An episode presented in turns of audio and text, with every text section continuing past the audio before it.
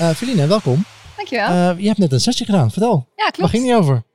Over wat programmeren is en wat het lastig maakt om te leren programmeren.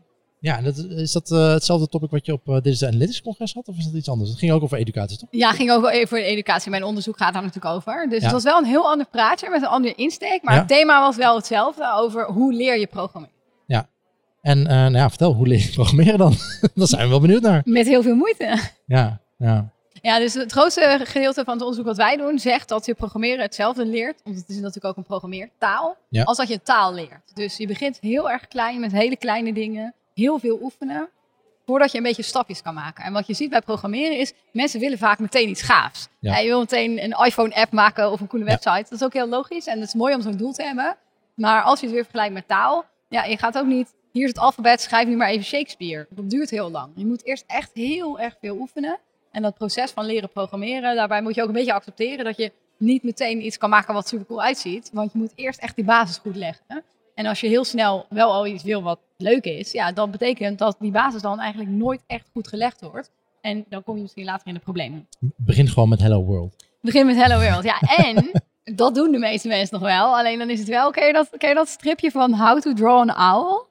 Uh, ja, volgens mij wel. Ja, dat is van hoe, hoe teken je een L. En dat is een heel moeilijk plaatje van een L. En het eerste is zo, teken twee cirkels. Dat je denkt, oh, dat kan ik wel. En dan de tweede, stap twee is dan, teken de rest van de L. Met al zijn oortjes en een detail en zo. Nou, dat is het een beetje. Dus mensen beginnen wel bij die Hello World. Dan denken ze, oh, oké, nou, dat gaat stap, wel. iPhone app. En de volgende stap, iPhone app. Terwijl eh, als je weer denkt aan maar, dus schrijven, maar ook fietsen of voetballen. Dan denk je ook niet, nou, ik kan één keer een goal maken. Ik ga even bij het eerst van Ajax solliciteren. Hoe vaak moet je dan niet hoog houden oefenen en sprintjes en schots op doel. Dat duurt gewoon heel lang voordat je een beetje een niveau hebt. Ja, het is eigenlijk heel logisch, maar het geldt voor ook. Ja, en je zegt net, uh, het gaat ook een beetje over uh, heel veel um, ja, uh, gemeen met het leren van een nieuwe taal. Gewoon een, een, een reguliere taal, zeg maar, niet programmeertaal. natuurlijke taal. Een natuurlijke taal. Uh, wil dat zeggen dat je ook met uh, linguistics ehm, overlegt en kijken hoe, hoe zij dingen aanpakken en mensen een nieuwe taal moeten leren? Ja, zeker. Mijn team in Leiden is super multidisciplinair. Dus ik heb zelf een informatica achtergrond. Dus ik weet wel veel van programmeren, maar niet se heel veel van leren. Hoewel ik er nu natuurlijk wel iets van weet. Maar mensen in mijn team, ik heb een pedagoog, iemand die gepromoveerd in de pedagogiek in mijn team. Iemand die inderdaad linguïstiek heeft gestudeerd. Iemand die ontwikkelingspsycholoog is. Dus samen doen we dat onderzoek. Want inderdaad, anders is het heel moeilijk om het van die verschillende invalshoeken te bekijken. Ja. Bart, het volgens mij een vraag. Nou, ik, ik zat even terug te denken aan toen ik leerde programmeren. Toen was het inderdaad natuurlijk ook uh, eerst een huisje. En toen drie huisjes. En toen een dorp. Dat was een beetje hoe het uh, toen was opgezet. Maar is het dan zo... Je hebt een uh, heel dorp geprogrammeerd? Ja, nou, dan moest je een dorp gaan programmeren. Ja, je moest gewoon lijnen gaan programmeren, dat die automatisch lijnen. Ah, en dan eerst een huisje, drie huisjes en dan uiteindelijk een heel dorp met een kerk erbij. En ja, zo. zover ben ik überhaupt niet gekomen, dus maar ga verder. ja, dus ik vroeg me af, um, is, is dat ook een soort het, het doel of de insteek om zo een soort uh, roadmap voor programmeren te, te maken of, of te verbeteren? Of, of, uh... Ja, zeker. Dus we zijn heel erg bezig met wat zijn nu die stapjes en jij hebt het heel erg over de content. Dat is natuurlijk leuk, hè? een huisje en een dorpje ja, en zo. Dan zie je iets visueels ja, natuurlijk nee, ook gebeuren van wat je geprogrammeerd Het was waarschijnlijk met een soort logo-achtige programmeertaal. Zo'n tekentaal, die heb je zeker nog. Um, maar dat, dus de vraag is eigenlijk vooral, wat een hele interessante vraag is voor ons, is welke programmeerconcepten volgen elkaar op? En voor rekenen weten we dat al best goed. Als je denkt aan kinderen op de basisschool leren rekenen, wat leer je eerst? Nou, je leert eerst een beetje tellen, de getallenlijn. En dan komt plus en dan min en dan keer en dan gedeeld door. Daar zit een soort logica in. Want plus en min hebben met elkaar te maken. En plus is toch wel wat makkelijker dan min. Bij programmeren weten we dat nog niet zo goed. In technische termen noemen we dat een trajectory, een leerlijn. Um, wat moet je nou eerst doen? Als je een beetje kan programmeren, dan herken je die dingen misschien. Je hebt een variabele en een loop. Ja, wat is nou moeilijker? Of een conditie, een if-statement. Doe je eerst een if-statement of eerst een loop? Ja, wat is eigenlijk moeilijk? Het heeft allebei zijn eigen moeilijkheid. Het nadeel of het moeilijk, wat moeilijk is aan een conditie, hè, iets wat onder bepaalde voorwaarden wordt uitgevoerd, is dat dan een stukje code wordt wel uitgevoerd en een ander stukje code wordt niet uitgevoerd. Dat is best wel logisch, moet je moeilijk denken van in welke situatie zit ik. Dat heeft een bepaalde lastigheid, maar je hebt ook herhaling, dat je het een aantal keer kan doen, zoals jou, je hebt een huisje, nou als je dat dan tien keer doet en je schuift een beetje op, heb je een dorpje. Dat is ook lastig, want dan heb je één stukje code wat opeens meerdere keren wordt uitgevoerd. Dat is ook conceptueel, dat je moet denken, oh, hoe vaak heb je dat nou al gedaan, dat stukje? Dus die dingen zijn allebei lastig en we weten nog niet zo goed wat lastig is en wat de voor- en nadelen zijn van iets een bepaalde volgorde aanbieden. Oké. En daar zijn jullie nu dus volop mee bezig? Daar zijn wij volop mee bezig. Ja, we hebben een heel groot project samen met uh, een onderwijsstichting in Groningen, Openbaar Onderwijs Groningen en de Radboud Universiteit. Waar wij bezig zijn met bekijken op verschillende leeftijden de bovenbouw van de basisschool en de onderbouw van de middelbare school. Welke concepten moeten er nou in welke volgorde en hoe zorgen we dat dat aansluit bij de beleving van kinderen? Want we moeten iets maken wat leuk is, als bijvoorbeeld een dorpje of een spelletje of een animatie. Maar ook bij het niveau van kinderen. Want we hebben net in mijn lezing ook even gehad over de cognitieve ontwikkeling van mensen en ook van kinderen. En we weten dat rond 10, 11, 12 jaar begint dat logisch redeneren echt vorm te krijgen in de hersenen van kinderen. Dus daar zal je ook met programmeren iets mee moeten. Wat kan je voor die leeftijd al aan? Wat kan je toch eigenlijk pas op bij ons de middelbare schoolleeftijd aan? Dat zijn dingen waar wij juist in die projecten heel erg mee bezig zijn. En doen jullie dat, of, of proberen jullie dat dan een soort uh, taal onafhankelijk te doen? Of? Ja, ja en nee. Dat is, het is een vraag die natuurlijk heel vaak voorkomt. Ja, het is echt een hele goede en een hele moeilijke vraag. Ja. Um, als je leert schrijven, ga ik weer op mijn favoriete metafoor, dan kan je dan niet zonder een taal. En het handige bij een taal, bij een natuurlijke taal, denk je, nou ja, we zijn Nederland, dan doen we Nederlands. Dat want, is een iedereen, soort van want iedereen praat keus, Nederlands. Want iedereen praat Nederlands. Dat is makkelijk. Maar in programmeren is dat lastiger. Want aan de ene kant kun je zeggen, zoiets als we net beschreven, een conditie of een herhaling, dat is onafhankelijk. Dat zit in iedere taal. Dus het maakt niet uit welke taal je doet. Maar je hebt er wel een taal voor nodig je moet wel het in een bepaalde taal laten zien. Dus je kunt niet zonder de keus maken voor een taal. En omdat het niet één taal is, er zijn natuurlijk wel een aantal talen die op dit moment heel populair zijn. Maar het blijft een lastige vraag welke taal ga je doen. En wat we ook nog niet echt weten zijn op de langere termijn, wat zijn de effecten van talen? Ik weet niet of jullie Edgar Dijkstra kennen, een hele bekende informaticus. Die zei dat het verboden zou moeten zijn om kinderen basic te leren. Want hij zei, dat cripples the mind. Oké. Dus hij was er echt van overtuigd dat als je een verkeerde programmeertaal aanleert, uh, dan blijft dat gedrag voor altijd uh, vertoond. En er zijn ook wel mensen die zeggen, nou je blijft een soort accent houden. Dat als je als eerste basic of eerste bijvoorbeeld Python hebt geprogrammeerd en je gaat er naar Java programmeren, dat je nog dat Python-steltje nog een beetje houdt. Want programmeertalen hebben op veel plekken wel vrijheidsgraden waar je dingen aan kan pakken hoe, hoe je wil. En daar schijnt dan soms nog een beetje je oude voorkeur door. Dus ook dat effect van, maakt dat nou eigenlijk uit? Maakt het, is het zo van, nou, je leert kinderen wat en vervolgens leren ze weer wat anders? Of blijft dat hangen? Ook dat weten we eigenlijk nog niet. er zijn heel veel open vragen. Ja, maar je hebt ook geen talen heb je dat uh, ook wel, toch? Dat je, er zijn vast talen die, waarmee je makkelijker een andere taal nog kan leren dan, uh, ja. dan andere. En ook Dit is natuurlijk het argument waarom mensen Latijn geven aan kinderen op school. Mhm weet eigenlijk niet zeker, ik ben natuurlijk geen linguist zelf, of daar onderzoek naar is die dat aantoont. Maar mensen zeggen, als je kinderen Latijn leert, dan wordt het vervolgens makkelijker om andere talen te leren. Gedeeltelijk vanwege vocabulaire, maar ook gedeeltelijk omdat die grammatica heel veel dingen expliciet maakt, zoals naamvallen. Als je heel goed snapt wat de derde en de vierde naamval zijn, omdat je dat moet doen in het Latijn, kan je daarna makkelijker denken, oh, aan hun, aan hen. Uh, oh, dat is ook een datief. Ja wordt gezegd. dus... Ja, de moeilijkheid daaraan is natuurlijk ook weer dat uh, ik kan me voorstellen dat als je, uh, als je klein bent en je leert een Aziatische taal, uh, Japans, Chinees, dat is natuurlijk een hele andere manier als dat je Nederlands of Duits leert, wat een beetje aan elkaar verwant is. Ja, dus... klopt. Ja. Het is dus voor ons ook veel makkelijker om Duits te leren dan dat het voor ja. ons is om Japans te leren. En dat zal andersom ook zo gelden. Dus, dus wat, wat doen we nu? Uh, alle talen maar? Of, uh... Ja, dus ik... Ja, ik kom vind... door, we willen een uitspraak. Ja, ja. nou, ik wil best iets zeggen. programmeertaal... Uh... Wij, wij, doen heel veel met Python. En dat vind ik, vind ik zelf een heel erg mooie taal. juist ook omdat het verschillende vormen van programmeren ondersteunt. Dus je kan in Python um, meteen beginnen. Je hoeft niet lasses te maken. Dus het is ook een taal die vrij imperatief is. Van je, je begint meteen en je kunt alles in stapjes uitdrukken. Je hoeft niet meteen met objecten te werken. Je kunt er ook goed mee functioneel programmeren, maar het hoeft niet. Er zijn ook talen die alleen maar functies toelaten. Python laat dat toe, maar je hoeft er niet mee te beginnen. Uh, sinds de laatste versie van Python kun je in Python ook zeggen, deze variabele is van een bepaald type. Dus let op, dit is een getalletje en dit is een tekstje en dit is een lijstje. Um, dat helpt wat structuur en duidelijkheid aan je programma geven. Dat is iets wat, waar mensen vaak van zeiden, ja, ik kan beter geen Python gebruiken, want die heeft die duidelijkheid niet van die types.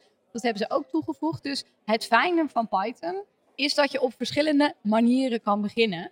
Uh, maar daarnaast zijn wij ook zelf bezig met het ontwikkelen van onze eigen taal, die heel erg op Python lijkt, maar die wij een beetje een soort kinder-Python noemen. Okay. Een soort van beginnen met zijwieltjes. Uiteindelijk leer je Python, maar je begint door een paar stapjes heen met een, een wat simpelere versie van Python. Dus je, als je een beetje programmeertaal voor je ziet, dan zie je vaak hè, van die krulhaakjes en ronde haakjes en driehoekhaakjes en allerlei dingen die je precies moet weten. Bij Python moeten op bepaalde punten dubbele punten en op bepaalde punten moeten spaties staan. Dat halen wij in eerste instantie weg. En dan laten we de leerlingen stap voor stap opbouwen naar Python. Dus dat is wel du- een duidelijk doel van een, laten we zeggen, air quotes, echte programmeertaal.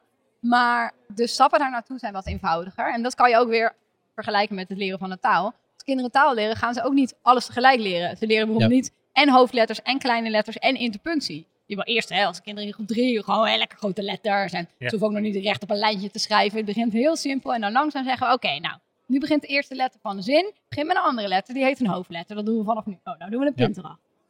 Dat bouwt langzaam op. En dat proces proberen we eigenlijk met Hedi, zo heet onze nieuwe programmeertaal, te volgen. Dat het stap voor stap opbouwt, maar uiteindelijk leer je wel Python. Oké, dat is ook een soort nationale trots natuurlijk, Python. Ja, zeker. Ja. He- helaas woont de soort van van eh, Python al heel lang in de VS. Dus ieder jaar wordt hij misschien net iets minder Nederlands. Maar het blijft natuurlijk wel onze trots. Zeker Het blijft wel een beetje... En, en, en dat je zegt dat je die eh, verschillende datatypes kan, kan klassificeren in Python. Dat heeft waarschijnlijk te maken dat Python ook steeds meer gebruikt wordt in, eh, met data science. Ja, ik denk dat het daar wel te- mee te maken heeft dat Python op heel veel verschillende plekken gebruikt wordt. Onder Ja. andere voor het analyseren van data. Ehm, en ook dat het iets is wat uit andere programmeertalen mensen heel erg gewend zijn. Dus als jij, ik deed zelf eerst C-Sharp en ben toen overgestapt naar Python. Maar als jij bijvoorbeeld uit Java komt, dan ben je zo gewend dat je kan zeggen, dit is een getal. En het is wat beter tegen fouten. Want Ja. als ik van tevoren heb gezegd, dit is een getal, en vervolgens ben ik dat even vergeten en ik stop er dan per ongeluk hello world in, wat een tekstje is. Dan een, een andere programmeertaal zegt van, ho, ho, wacht eens even, we hadden afgesproken dat dit een Ja. getal was. Python zegt, oh prima, nu is het een tekstje, lekker, gaan we gewoon weer door. Ja. Dat kan voordelen hebben, want je kan lekker snel aan de gang, maar dat kan natuurlijk ook nadelen hebben. En er zijn wel voorbeelden van eh, bekende software crashes die het resultaat zijn geweest van niet goed definiëren van de goede types van een variabele. Dus Juist. dat zal zeker onder invloed van andere programmeertalen ook zijn dat Python heeft besloten, we gaan toch ook die kant op. En, en, en jij eh, eh, geeft les op de Ja, universiteit. klopt. Ehm, programmeerles aan, aan studenten. Ja. Ehm, en nou, we hadden het net al over, eh, nou, de logica begint een beetje als mensen 10, 11 jaar zijn.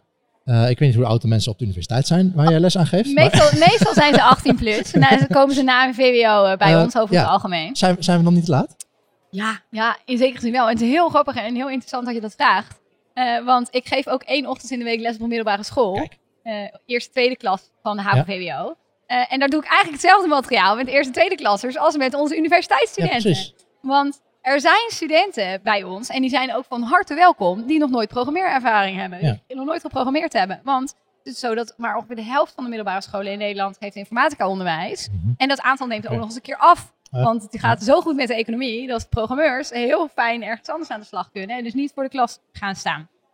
Oh, Dus, zo. Ja, dus er, er zijn... Ik, ik dacht dat is toch juist extra reden om mensen informatica eh, te leren. Maar Dat is eh, waar, maar de de- mensen om het les te geven ja, zijn er gewoon de niet. docenten Ah, zijn er niet. eh, zijn Nee. aan. Dus krijg je een beetje een rare situatie. Ja. Waar als ik kijk naar mijn collega's bij natuurkunde en wiskunde, ik ben er echt jaloers op. Want die krijgen kinderen, studenten voor hun neus. Die allemaal zes jaar hetzelfde wiskundecurriculum hebben gevolgd. Natuurlijk hebben die ook niveauverschil. Heb je daar ook leerlingen Ja. die een beetje snel, een beetje zesje en de toppers. Maar die bandbreedte is heel anders dan wij hebben, 18-jarigen. Die dus nog nooit geprogrammeerd hebben. Ja, kunnen zij er wat aan doen dat hun school dat niet aanbiedt? Ja. Dat ze daar niet mee in aanraking zijn gekomen? Daarnaast zit iemand van 18, toen ik zelf 18 was, had ik al 10 jaar programmeerervaring. Had ik, eh, mijn profielwerkstuk op het VWO was Ja. één groot programmeerproject met, wat we nu machine learning zouden noemen, maar die term was het toen nog niet echt. Ja. Dus ja, dat, dat is heel lastig te overbruggen. Dat is voor de docent heel erg lastig. Mhm. Het is voor allebei die soorten studenten lastig. Want studenten zonder voorkennis die denken, ja, je, als je naast iemand zit die al tien jaar kan programmeren, dat je denkt, nou, Ja. zo goed word ik nooit in die vijf jaar dat ik hier ga zitten. Maar ook voor studenten die met voorkennis binnenkomen, die hebben dan misschien ook geen informatica gehad op het VWO, maar het zelf geleerd. Die denken zo, ik ga naar de universiteit. Denk je, tuffen handjes. ik ga er eens even keihard voor om hier eh, de gaafste open source te bouwen die we ooit gezien hebben. En wat is mijn eerste les? Hallo studenten, wat we gaan een Python, hello world. Weet je wat wij gaan doen? Een huisje tekenen en Ja, ja, een dorpje. Nou, die, die, die, die mensen denken van, wat doe ik hier in godsnaam? Ja. Dat is ontzettend lastig. Dus ja, ik pleit al heel erg lang voor programmeeronderwijs op het middelbare school. Het liefste verplicht. Mijn school in Rotterdam, waar ik werk, Lyceum Kralingen, hebben we programmeeronderwijs in de brugklas verplicht. Dus alle brugklassers moeten een half jaar, pro, twee uur per week programmeerles krijgen. Dan kunnen ze kijken, kan ik het? Heb ik er aanleg voor? Vind ik het leuk? Wat voor dingen? Wat is programmeren al? Mijn lezing van morgen ging natuurlijk over wat is programmeren. Veel mensen weten dat niet. Ook veel kinderen weten dat niet. Hè? Als, je, als niemand jou ooit heeft laten zien hoe gaaf dat is, dan denk je ja, dat is te moeilijk. Of ik weet niet waarom ik dat zou willen. Ja. Dus wij maken het verplicht. En vervolgens kunnen kinderen bij ons op school voor kiezen. om dan nog vijf of zes jaar, oh, vier of vijf jaar, dus HAVO of VWO, drie uur per week programmeeronderwijs te volgen. Ja, ik hou aan de ene kant mijn hart vast. Want als die kinderen straks bij mij die denken, oh, dit was gaaf. Ik ga informatica studeren. Dan heb ik die kinderen, heb ik vijf, zes jaar in de klas gehad, drie uur per week. Wat ga ik die nog leren op de universiteit? Hoe ga ik dat niveauverschil overbruggen? Dus in zekere zin, daar ben ik zelf ook bij, wordt die problematiek steeds groter. Omdat er nu ook zoveel resources zijn voor kinderen. Als ze de mogelijkheden hebben om via YouTube, via apps, het goed te leren programmeren. En dan beginnen we alsnog, blijven we op de universiteit, dat, dat ingangsniveau heel laag houden. En dat moet ook, Ja. want we kunnen het niet verplicht stellen dat ze het kunnen, want ze hebben geen kans om het te leren. En zijn jullie ook paradox. bezig met een... ehm, eh, eh, je zei het net inderdaad, van mensen kunnen via YouTube of zoveel leren. Zijn jullie ook bezig met een basisschool, middelbare school, eh, site, platform, iets? Ja, zeker. Ik heb al hele lange tijd een Scratch cursus op een website die heet edX staan. Dat is een website waar MOOCs op staan. De meeste Ja. zijn voor volwassenen, maar wij hebben daar kinderboeken op staan. Eh, vier stuks, twee in het Nederlands en in het Engels. Eh, eentje voor kinderen en eentje voor ouders of docenten die het willen gaan aanbieden. Dus als jij mee wilt leren met je kind, of als jij denkt als je bijvoorbeeld basisschooldocent bent, ik zou zelf net zoveel willen weten dat ik het ook kan gaan lesgeven, kunnen mensen helemaal gratis zijn MOOCs. Helemaal Ja. gratis beschikbaar. En kinderen kunnen zelf met de YouTube-filmpjes aan de slag, waar ik dan in leuke filmpjes leg ik zo stap Ja. voor stap uit hoe je het moet doen. Er zitten ook opgaves in. Je krijgt ook feedback met een quizje van, oh, ben je wel op het goede pad? Dus eh, dat is iets wat wij beschikbaar hebben gemaakt om een beetje te helpen. Maar ja, wat ik ook zei, in zekere zin maakt dat het probleem ook weer groter. Want niet alle kinderen hebben thuis toegang tot een laptop. Eigenlijk hebben steeds minder kinderen thuis toegang tot een computer. Ze hebben wel een of een tablet. Maar computers, ja, weet je wat gaat een kind altijd een laptop doen? Die gaat toch liever op de bank hangen met een tablet. Ja. Eh, en die systemen zijn natuurlijk weer net wat minder geschikt om echt op te programmeren. Niet alle kinderen zullen de tijd hebben. Sommige ouders, en dat is ook niet eens onterecht, zeggen... ja, goed dat mijn kind de hele dag achter een schermpje zit. Laten we lekker eh, buiten spelen. Dus sommige kinderen zullen veel meer kans hebben om daarmee in aanraking te komen dan andere kinderen. Dus ja, tot het verplicht is, ik zal deze maar weer als een moment gebruiken om hiervoor te pleiten. Zul je die ongelijkheid houden dat rijkere kinderen met meer toegang, met ouders die zien hoe waardevolle vaardigheid het is om te leren, grotere kans hebben om het goed te kunnen dan kinderen die uit een gezin komen waarbij ouders dat zelf niet kennen, daar niet mee in aanraking komen, het geld voor de techniek niet hebben die dat nodig heeft. Is, is het inmiddels niet eh, eh, sowieso met, met eh, opleidingen het moment gekomen? Want je zegt het is super lastig. Er is een enorm niveauverschil in de mensen die binnenkomen. Ja, Ehm, is het niet een beetje, eh, moet het niet het einde zijn van, van dat soort massa dingen van iedereen moet maar hetzelfde doen? Eh, en juist met informatica zijn wij nou niet gewoon in staat om mensen gewoon een intake te doen of gewoon dynamische cursussen met Skip Logic. Volgens mij heeft Khan Academy ook wel zoiets. Maar, dat nou, als je, neemt gewoon intake, oh, kun je dit al? Nou, dan ga je snel door naar het volgende, ongeacht jouw niveau zeg maar. Kun je met de hele klas dat gaan doen. En ja, degene die sneller gaan, gaan sneller. En degene die langzaam gaan, nou, die krijgen wat extra aan. ja Maar dat, dat, dat, dat moet klinkt echt als platform. Ja, maar dat klinkt dus als een ideaalbeeld, maar er zijn ook heel veel nadelen aan. Dus ik Oké. snap dat als je niet een onderwijsprofessional bent, dat je denkt, oh, dat is echt Ja. logisch. Maar ik zal je Ik een ben dus geen onderwijsprofessional, dat zie je wel.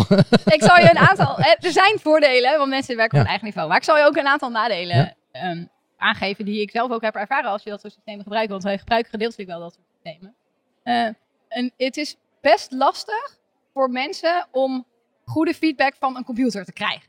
En Ja. er, is, er is iets en dat heet een misconceptie. En een misconceptie is dat jij denkt dat je het snapt, maar eigenlijk snap je het niet. Oké, ja. Ehm, En dat is het probleem, want dan ga je niet meer zoeken naar Dat- hoe zit het nu Juist. Dat had ik net. ja, en dan, Exact. Ja. En dan blijf je dus op het verkeerde pad. En eh, we weten uit onderzoek dat ho- hoe krijg je een kind van dat verkeerde pad af? Nou, daar is menselijk contact met de docent heel erg belangrijk. En vertrouwen hebben in de docent is heel belangrijk. Dat je denkt, oh, die docent die weet dat en die, Ja. die kan het ook zien. Ehm, Oh, maar dus- ik, ik bedoel niet dat, dat de docent helemaal weg moet, maar dit soort hybride model. Zeg ja, maar, maar dat, hybride model, dat, dat neemt natuurlijk wel iets van de docent-studentrelatie af. Ja. Hè, dus de Ja. prijs is niet nul, want je hebt iets minder een relatie met de student. En je gaat niet kijken van, staan die ogen crisp en kijken ze naar het digibord of is het een beetje glazig of kijkt er überhaupt het ramen uit. Ja. Maar ik kijk in mijn LMS van st- leerling leerling management systeem, eh, staat die op 5 of op 10 of op 12. Eh, dat, dat verandert de relatie wel. Ja. Ehm, en ook niveauverschil. Dat, er is heel veel onderzoek gedaan naar niveauverschil. Ehm, hoe groter een niveauverschil is, hoe slechter het is voor de zwakste kinderen. Dus als je, de- denk even aan de tafels uitleggen in groep 5 op de basisschool. Je hebt dat lekker thuis al met papa en mama geoefend. Of je hebt het nog nooit gezien. Iedereen gaat. 5 keer 3 is 3. Nee, 5 keer 3 is 15. 1 keer 3 is 3. je gaat dat met z'n allen doen. eh, dat creëert het gevoel bij kinderen die er nog nooit gezien hebben van, oh, we oefenen dit met z'n allen en iedereen is op hetzelfde niveau. Stel je voor wat er gebeurt, en dat hoef je niet eens voor te stellen, dat onderzoek toont het ook aan, met kinderen die dat nog nooit gezien hebben en die zitten naast een kind, want natuurlijk ze zien elkaar, eh, Ja. die doet 17 keer 43. Dat je ook weer denkt van, nou ja, eh, dit is kansloos. Dus onderzoek toont aan hoe groot je niveauverschillen maakt in een groep. Eh, Ja. Het is heel slecht voor de slechtste en voor de beste, het maakt eigenlijk niet echt uit. Die beste worden niet er beter van als ze alvast op een niveau kunnen. En dan ga je natuurlijk ook heel diep, wordt heel filosofisch. Ja, wat is het doel van onderwijs? Is het doel van onderwijs, en hier mag je over van mening verschillen, is het doel van onderwijs om iedereen naar een bepaald basisniveau te krijgen? Of is het doel van onderwijs om ja, de kleine Marie Curie's en Einsteins eruit te pikken en die naar het hoogste niveau te krijgen? En te zorgen dat dat zeg maar de leiders van ons land worden. Nou, Ja. dat, kan je ook vinden. Als je zegt, nou, het doel van onderwijs, en dat is zeker wat ik zeg, is iedereen naar een bepaald basisniveau, dan kan het zijn dat je bereid bent om daarvoor de prijs te betalen, dat de snelle iets langzamer gaan. Ja. En dat die misschien pas later in hun leven, op universiteit of misschien tijdens hun studie of eh, tijdens hun carrière, dat die dan pas die extra dingen leren. Geen van die interventies die je noemt, zoals zo'n tool gebruiken, kost niks. Want het kost zeker eh, zelfvertrouwen en frustratie aan de lagere kant. En het kost de leerkrachtrelatie, omdat kinderen, ja, hoe minder jij er tegen praat, hoe minder vertrouwen en expertise jij op die leerling afstraalt. En hoe lastiger het ze dus zal zijn om te zeggen: Oh, nou, je hebt drie weken naar je scherm gekeken. Maar hey, hallo, hier ben ik. Ja, mevrouw Hermans, ik weet iets. Nu ben ik hier om jou te helpen. Dat is heel anders dan dat je iedere week huiswerk nakijkt en uitleg geeft. Dan zou je dus, dus misschien op basis van wat je zegt, van wel, wel een soort intake kunnen doen om die groep op te delen. Dat je dan kleine groepjes hebt. Ja. Maar ja, daar heb je natuurlijk een praktisch, daar heb je geen, niet de docenten voor. Omdat, eh, Nee, dat is wel iets wat ze doen hoor. Dat Dus bijvoorbeeld, bij Harvard doen ze in het begin van computer science een, een soort eindrijtoets. En dan splitsen ze twee groepen. Ja. De beginners eh, en de wat gevorderden. En die gevorderden gaan dan iets doen wat buiten het curriculum ligt. Dus die doen niet alvast programmeren 2, want dan blijf je je probleem alleen maar opschrijven. Ja. Gaan dan iets anders doen. Dus dat is waarschijnlijk wel een prima idee om het op te splitsen. Maar dan krijg je inderdaad het schaalprobleem. Wat je op de middelbare school hebt, geldt net zo goed voor ons bij de universiteit. Wij zijn in Leiden in een paar jaar tijd gegroeid van 80 eerstejaars. Nou, nu hebben we bijna 200 eerstejaars. En dat is meer dan een verdubbeling in een jaar of drie, vier. Eh, ja, onze staf is niet verdubbeld, want nee, dit is niet alleen in Leiden, dit is ook in Delft en in Eindhoven. Iedereen Ja. groeit, dus iedereen wil meer docenten aannemen. Ook voor ons als eh, onderwijsprofessionals in het hoger onderwijs geldt. Ja, je kan ook voor het dubbele bij Amazon of Google of Bol.com of Funda gaan werken. En daar is ook een zekere aanzuigende werking. Dus Maar- dat is zeker een aardig idee, maar dat is, dat, we hebben de mensen daar niet. Maar met, met dat in gedachten, ehm, is het dan niet gewoon eh, in die zin van, ja, pech voor, voor de docent-leerlingrelatie, maar de enige manier om genoeg programmeurs in de markt te krijgen en mensen enthousiast te krijgen en ja, aan die bedrijfsbehoeften te voldoen, is een, een platform. Ja, is een platform. Ja, Ja, dat, of zeg je maar, zou als kunnen zeggen, geen mensen zijn. dan- Jammer voor de hele snelle, die Ja. het zelf al hebben geleerd. Maar het is belangrijker dat we leerlingen zonder ervaring binnenhalen. Want er zijn er nog steeds veel meer van. Dus als we echt willen schalen, moeten we juist zorgen dat die opleidingen ook in staat zijn om 18-jarigen die nog helemaal geen programmeerervaring hebben, om die binnenboord te houden. Want daar is de grootste uitval. Dus dat is wel goed. Een beetje, ik ben nogal socialistisch van aard.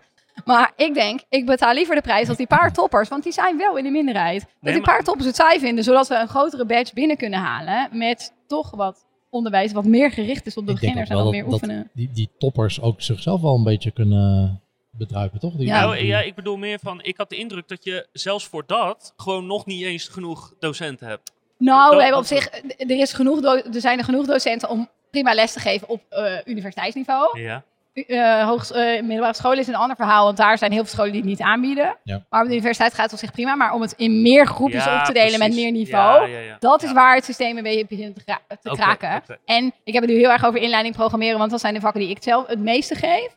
Maar ook door de hele opleiding heen, bij ieder vak speelt, ook voor, de, laten we zeggen, databases, ook daarvoor geldt, ja, de ene student heeft al ervaring en de ander niet. Dus dat, dat, dat niveauverschil blijf je op, op heel veel niveaus hebben. En dan zou je al die vakken moeten gaan opknippen in twee of misschien wel drie versies. Ja, daar is de mankracht niet voor. En ook niet alleen de menskracht, maar ook zalen. ja, precies. Zoveel ruimte is er gewoon niet in het rooster. Zijn er andere factoren die eh, succes kunnen eh, voorspellen bij, bij informatica? Behalve dan dat je kunt programmeren. Maar, nou ja, we hebben het net de hele tijd over taal. Dat je een talenknobbel hebt. of- Ja, zeker. We hebben toevallig net een onderzoek gedaan in Rotterdam, waar we bij basisscholen en middelbare scholen een aantal eh, vragenlijsten hebben afgenomen. En daar zagen we inderdaad een correlatie tussen het taalbegripniveau van leerlingen en hun programmeervaardigheden. Ja, dat is natuurlijk niet heel raar, want het, ja, het is een programmeertaal. En voor heel veel van die programmeerpuzzels moet je ook al goed kunnen lezen. Je moet goed snappen wat er gevraagd wordt. Ehm, dus dit is iets wat ik anekdotisch weet, maar ehm, als je heel precies bent, heb je daar zeker wel een voordeel van. Slordigheid, dat is niet in je voordeel als overal punt komma's op de goede plek moeten.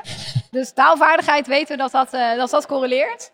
Ehm, het is grappig dat er wel wat onderzoek ook gedaan is, gekeken naar of dat rekenvaardigheid goed correleert met programmeervaardigheid. Maar dat blijkt dus bij jonge kinderen wel mee te vallen. Dus er is niet zo'n sterke correlatie tussen hoe goed kinderen kunnen rekenen Ja. en hoe goed ze kunnen Logica, programmeren. is dat eh Ja, logica valt nog niet mee om goed te testen.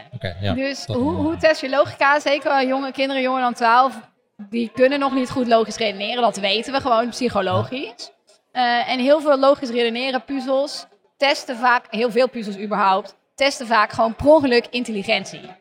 Dus eh, van die puzzels waar je dan aan denkt van, eh, eerst een stapel blokjes en hoe zie je dat van de andere kant? Ja, Ja, wat, dat wat test dan- wel... Wat je in de eh, CITO-toets wel ja. ziet. Dat test dan ruimtelijk inzicht. Maar wat het vaak onderliggend ook test is, ben je slim? Heb je algemene intelligentie? Ja. Dus dat geldt ook voor logisch redeneren. Dat is gewoon vrij lastig te, goed te testen. En wat, zou, eh, wat, zou jou, eh, wat is jouw ideaalbeeld? Wat zou je het liefste willen als jij het voor het zeggen had? Zou je, zou je het echt direct verplichten op basisscholen Gewoon en de, middelbare de- hoe de wereld eruit ziet? Of Nee, nee, nee, hoe, eh, Ja, daar heb ik nog wel een paar verzoekjes. Qua programmeren uiteraard. Eh, ja, dat vind ik een hele goede vraag. Dat ligt eigenlijk aan waarom wil je het doen. Dus qua logisch redeneren zou ik zeggen, middelbare school is het beste moment. Want dan kunnen kinderen goed lezen, hebben ze goede leesvaardigheden, hebben ze ook al wat computerbasisvaardigheden. Een beetje geduld is ook wel handig, dat je niet meteen helemaal gefrustreerd wordt als die computer vastloopt. Dus wat dat betreft zou ik zeggen, middelbare scholen maken ze allemaal verplicht. En laat het, laat het op de basisschool zitten. Dat curriculum op de basisschool is vol, dat is lastig. Echter, we weten dat bijvoorbeeld meisjes op hele jonge leeftijd al hele grote technologieangst ontwikkelen. Meisjes zo jong als 6, 7, 8 zeggen al, oh, programmeren robots, ja, dat is niet voor mij. Ik denk niet dat ik dat kan. Zelfs als ze het nog nooit gedaan hebben. En dat komt natuurlijk omdat de samenleving ehm, ja, projecteert toch op meisjes. Je zag net ook in mijn voorbeeld eh, jongens speelgoed, meisjes speelgoed als je dat op Google intikt. Ja, dat is heel moeilijk om dat uit te wissen. Dus als je perspectief is, we willen zorgen dat iedereen in contact komt met programmeren, zodat ze denken, oh, programmeren, nou, dat is wel iets wat ik kan en wat ik leuk vind en waar ik coole dingen mee kan maken. Een animatie met een eenhoorn of zo, iets wat ik echt wil hebben. Eh, om, om die reden is toch die basisschoolleeftijd belangrijk. Dus mijn ideaalbeeld zou zijn, op de basisschool maak je er wat kennis mee, speel je eens een keer met een robotje, maak je eens een keer een klein appje op de telefoon met, niet programmeert allemaal meer een omgeving waar je dat in elkaar kan klikken zodat je zoiets hebt van, oh, programmeren, oh, dat is leuk. Oh, die telefoon, die straalt niet alleen maar informatie in mijn oogbollen, maar ik kan er ook iets op krijgen. En ook die dingen die daarop zitten, die zijn gemaakt door mensen. Dus ik denk dat dat heel goed is, dat dat besef op de basisschool, zoals ze ook een nieuwsbegrip hebben, zou ik eigenlijk ook wel een soort van computerbegrip op dat basisschoolniveau willen hebben, zodat kinderen die daar thuis niet mee in aanraking komen en meisjes denken, oh, dat is wel leuk. En dan op de middelbare school. Het model, denk ik, wat we op Lyceum Kralingen hebben, is mooi in de brugklas verplicht stellen. Zodat iedereen gedwongen wordt om er kennis mee te maken. Zoals we ook bijvoorbeeld bij economie doen, bij biologie. Dat je in ieder geval weet wat je kiest. En vervolgens de keus geven. Hè, dat is ook, wiskunde is al verplicht. Maar de meeste andere dingen, scheikunde, natuurkunde, dit is ook niet voor iedereen. En dat is ook prima. Maar wel dat iedereen de kans krijgt om te kijken of het leuk is voor hem of haar. Dat zou denk ik ongeveer mijn ideaalbeeld zijn. Eh, wereldvrede, dat klimaatverandering ook stopt. Dat ik 1,80 ben als ik morgen wakker word. Daar wou ik het even bij laten. Ja, volgens mij zijn er tegenwoordig van die, van die soort games voor kleine kinderen waar ze met blokjes leren Ja. programmeren, zeg maar. Ja. echt eh, drie zijn of zo. Ja, Dat ze en daarom eh, mee, eh, heel doen. veel van die, van die robots inderdaad, wat je zei. Dat herken ik nog eh, vroeger. Wij, hebben het volgens mij wel eens dat we een dag met, eh, met school naar een, nou niet naar Legoland gingen, maar zoiets. En dan had je van die robotjes en dan moest je hem programmeren Ja. dat hij zo'n zo'n padje Ja. moest gaan rijden. Weet Ja, je, zulke simpele dingen. Physical computing is natuurlijk iets wat heel erg goed ook bij, bij jonge kinderen past. Dingen Ja. die je vast kan pakken. Ja, En dat is ook Ja, dat sensormotorische waar we het over hadden. Als je, als je een kleuter bent. Er is een aardig robotje, dat heet een Bebot. Dat is ook helemaal niet zo duur. En dan kan je met pijltjes, kan je gewoon Ja. zo'n zo'n soort, ziet eruit als een soort eh, wespje of zo. En dan doe je zo drie keer een pijltje vooruit. En dan gaat het wespje zo, bzz, bzz, bzz, zo drie keer vooruit. Ja. En dan kan je met wat programmeerblokjes die echt fysiek zijn, als een soort eh domino steentjes, leg je dan in zo'n bordje zo vooruit, vooruit, draai naar rechts. En dan doe je op zo'n knopje en dan gaat die wesp zo bzz, bzz, bzz, Dus-. Ja. Ja, dat is een beetje het niveau dat je dan als kind zoiets krijgt van technologie. Ik heb daar kracht over. Ik zeg natuurlijk niet, kom kleuters, jullie weten nog niet wat een toetsenbord is, maar we gaan lekker allemaal Python programmeren. Ja, nee, dat kan gewoon helemaal niet. Dat, dat moet je ook niet willen. Nee. Eh, dus dat is een beetje het niveau waar je op die basisschool aan moet denken. Wat ik net zei, hetzelfde als je bij andere begrippen van de wereld natuurlijk wel dat vertaal naar een kleuterniveau of naar een groep 5 niveau. Ja, precies. Nou, ik, kan- ik kan niet wachten tot mijn zoontje die leeftijd heeft dat hij daarmee eh, kan gaan spelen. Nou ja, ik wil dat zeggen, dat geldt voor mijn dochter ook. Maar eh, het, het grappige is, ze, heeft nu, ze, ze is bijna twee, dus nog heel erg jong. Maar eh, ze is nu heel erg bezig met de hond programmeren vooral. Oh ja, ja. Dus ze is nu aan het leren van, oh, als ik daar een koekje leg en dan zeg ik, mijn hond heet James. En dan, nou ja, ze, ze zegt iets, ik weet niet precies wat het betekent, maar het is altijd dezelfde klank. Nou, dan gaat James zoeken. dus dus ze, begint wel te snappen oorzaak en gevolg in elk Ja, geval. nou ja, dat klopt precies als precies. twee is. Hè? Want Dat zei ik net in mijn lezing van 0 tot 2 hebben ze nog helemaal geen logisch besef. En dan vanaf 2 begint dat idee te komen van, oh, als ik dit doe, dan gebeurt er Ja, dat. precies, dus eh, ze ligt precies op schema. Heel tof. Hey, dankjewel. Ja. Eh, veel plezier nog vandaag. Eh, graag zijn er andere sessies eh, waar je naar gaat kijken? Of bepaalde thema's waar je interesse in hebt? Nou, er was net een opening van iemand van het Van Gogh Museum. Ja? Eh, en die heeft een sessie morgen over hoe ze in een museum data-analyse gebruiken om te managen waar mensen naar kijken. En dat vind ik heel erg leuk, want het is aan de ene kant mijn gebied data-analyse, maar Ja. aan de andere kant is in een museum lopen. Het is trouwens wel iets wat ik heel graag doe, maar iets wat ik helemaal niet met data associeer. En ze had een hele leuke analyse, ik sprak haar eventjes vanmorgen over dat bijvoorbeeld de schilderijen die naast de zonnebloemen hingen, dat we dachten, oh daar hangen weer wat dingen in de buurt die ook heel vet zijn, want daar kijken mensen toch. Ja, daar bleken mensen dus helemaal niet naar te kijken, want ze zijn zo afgeleid van, oh, oh, kijk de zonnebloemen. Ja, dat ze daar dus helemaal niet naar keken. Dus die plek waarvan zij dachten, dat is een topplek, zeg maar de tweede Ja. rang, niet de Ja. eerste rang, maar de tweede rang. Dat bleek juist averechts te werken. En dat hebben ze dus door data-analyse met, eh, met- als mensen zo'n audiotour volgen in het museum, kunnen ze ze tracken. Hebben ze dus gezien dat dat juist een slechte plek was. En dat vond ik zo leuk dat ik denk van, nou, het is data-analyse en kunst iets waar ik heel veel van hou. Dat het dan bij elkaar komt. Dus dat is wel een sessie eh, waar ik nu even naartoe wil. Tof. Nou, Ja, misschien spreken we hem eh, nog. Ja, eh, spreken hem of haar eh, nog eh, morgen. Ja. Cool. Dankjewel. Doeg! Bye bye.